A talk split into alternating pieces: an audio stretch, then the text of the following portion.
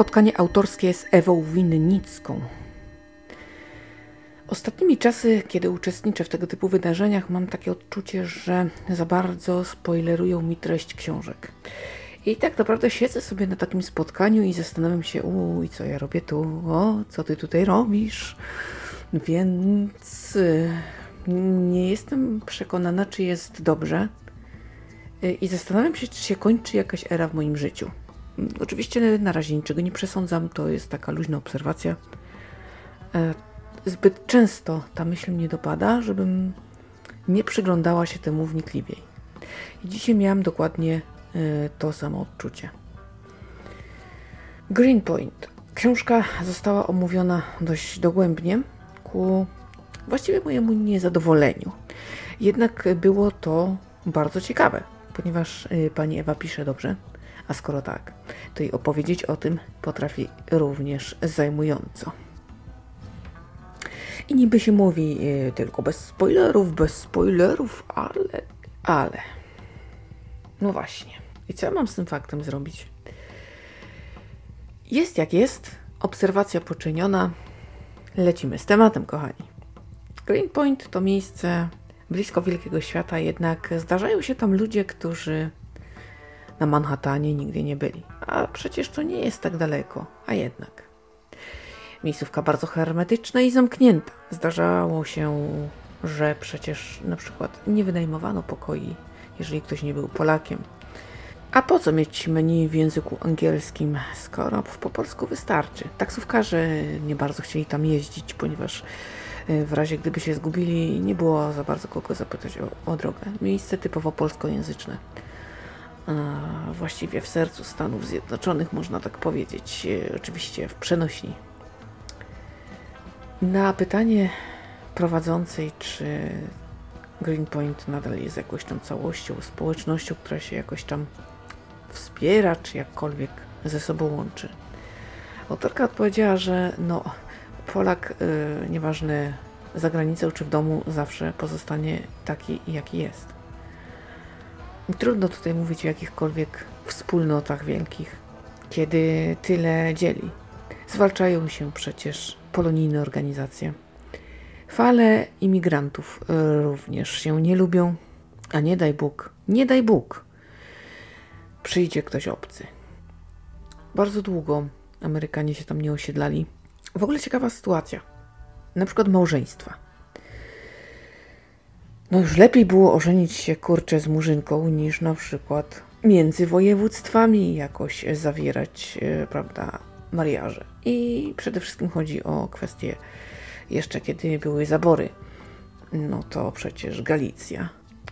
Ciężka sprawa. Każdy zabór coś tam do któregoś miał, a przynajmniej te, które były wymienione, no to rzeczywiście. Patrząc na to, że kolorowi też byli postrzegani tak dość specyficznie, delikatnie mówiąc. Ale skoro lepiej już z murzynką, o, mocno, nie? E, w każdym razie mm, małżeństwa, pozostańmy dalej przy małżeństwach. Małżeństwo polskie tutaj, małżeństwo amerykańskie tam. I nagle, gdy prawda wychodzi na jaw, no to zaczynają się kłopociki, bo na przykład nie można sprzedać domu. E, według prawa amerykańskiego prawo do aktu zgonu ma najświeższa żona. E, no to, czyli ta amerykańska. Czyli w Polsce gościu dalej żyje, domu na przykład sprzedać się nie da. Trzeba, aby denat wyraził zgodę. No absurd. No ale tak, by, tak było. Jedna z autentycznych historii. Przemoc. Przemoc domowa, kiedy stres jest tak duży, ponieważ e, emigracja przewraca nam życie do góry nogami. Wszystko się zmienia totalnie. No i nie tak trudno o frustrację. Nie każdy sobie radzi, jest alkohol, są używki, jest i przemoc. Ale tam za bardzo się o tym nie mówi, ponieważ e, gdyby tak było, czekałyby delikwentów potężne kłopoty, bo nie dość, że na przykład są nielegalnie, to jeszcze tutaj y, przemoc, która jest bardzo piętnowana, zostałaby wzięta pod lupę i zrobiono by z nią porządek, ale oznaczałoby to, więc trzeba było sobie jakoś radzić. Teoretycznie wyjeżdżało się czasem na chwilę, prawda? Zawsze była o, taka opcja, że przecież się jakoś kiedyś wróci.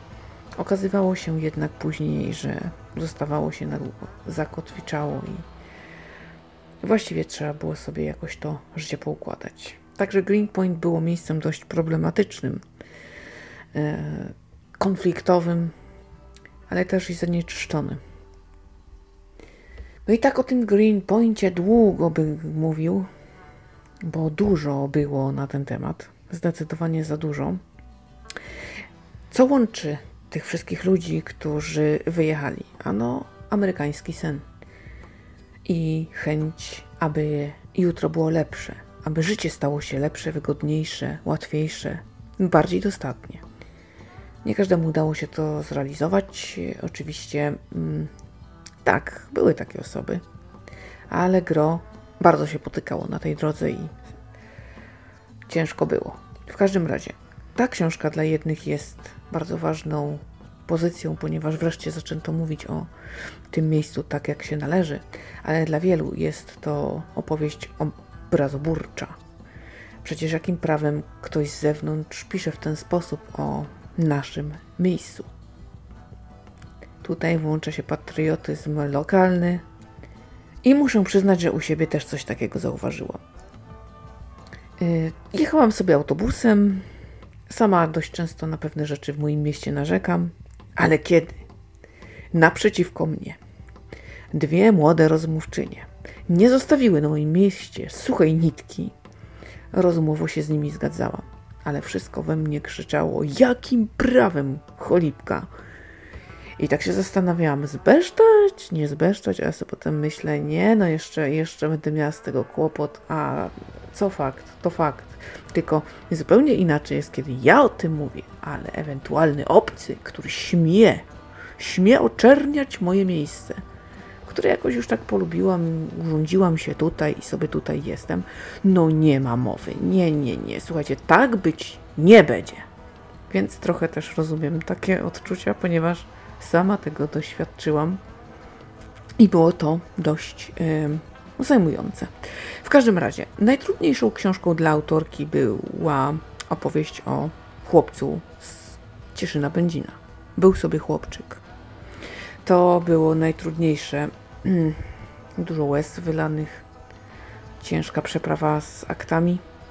E, autorka nawet prosiła tutaj policjantów, żeby mówili, gdzie co trudniejsze sceny mniej więcej są, żeby była przygotowana. Aha, dobra, to już jestem blisko. Uwaga, zaraz się zacznie. Eee, późniejsze te trudne tematy, zbrodnia na wyspie Jersey, czy te sierocińce, gdzie strasznie krzywdzono dzieci. Eee, owszem, było to trudne, ale już jakby autorka była wytrenowana, jak to orzekła, i jakoś to się udawało.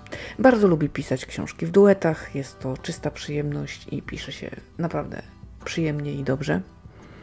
Nie ma żadnych problemów, wręcz jest dużo dobrych emocji. Zatem został obalony mit o tym, że właściwie można powiedzieć nie dam rady. Autorka udowadnia, że można. I naprawdę są to dobre książki. Oczywiście nowa pozycja pani będzie to jest opowieść o podcaście, który prowadzi z Magdaleną Grzebałkowską. Na początku było to realizowane w ramach Radia 357, potem tam kwestie finansowe. Mm, no jednak jakoś nie pykło i yy, wbiły panie na YouTube i Spotify, więc drugi sezon możecie oglądać i słuchać gdzie wam lepiej. No i właśnie 18 maja czyli wtedy, kiedy startują targi książki w Empiku, będzie oczywiście ta opowieść o dobrej zabawie i przedsięwzięciu. Taka wisienka na torcie, gdyby ktoś chciał.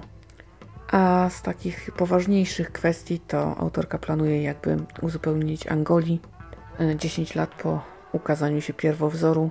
E, fajnie by było, gdyby wyszło wydanie rozszerzone no trzeba by było bohaterów odwiedzić i zobaczyć, jak tam po 10 latach im się wiedzie. No byłoby to bardzo ciekawe.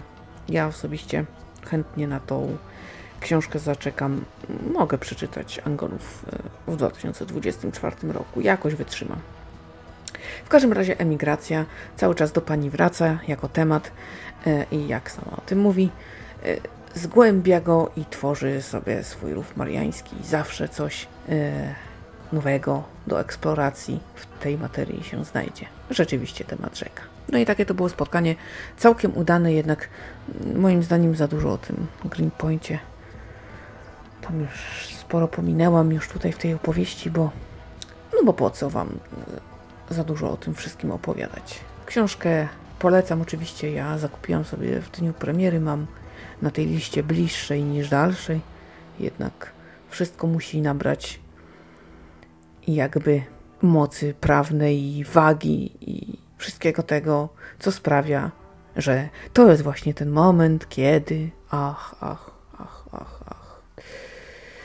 Trudno przewidzieć, kiedy nastąpi ta chwila. No dobrze, tyle na dziś. Ja Wam bardzo dziękuję za to, że cały czas ze mną jesteście i subskrybujecie opowiedziane.pl. Dziękuję za te rewelacyjne statystyki, które co tydzień radują moje serducho. Naprawdę nie macie pojęcia, jak bardzo motywujecie mnie do mm, pracy, do zasiadania przed mikrofon i do snucia swoich monologów tutaj. Bardzo, bardzo Wam za to dziękuję. Jesteście kochani, po prostu robicie taką dobrą robotę, że już nie wiem co powiedzieć. Mogę się powtarzać, a zawsze będę miała poczucie, że jeszcze może z dwa słowa powinnam dodać, o których w tej chwili nie mam pojęcia. Dzięki, dzięki ogromne. To co, ja już znikam. Oczywiście będę czytać, będę uczestniczyć. Historii nam tutaj nie zabraknie. Rytm tygodniowy nie zostanie póki co zaburzony. Nic na to nie wskazuje. Będzie się jeszcze działo. My oczywiście słyszymy się już w następnym podcaście. Trzymajcie się cieplutko. Do usłyszenia.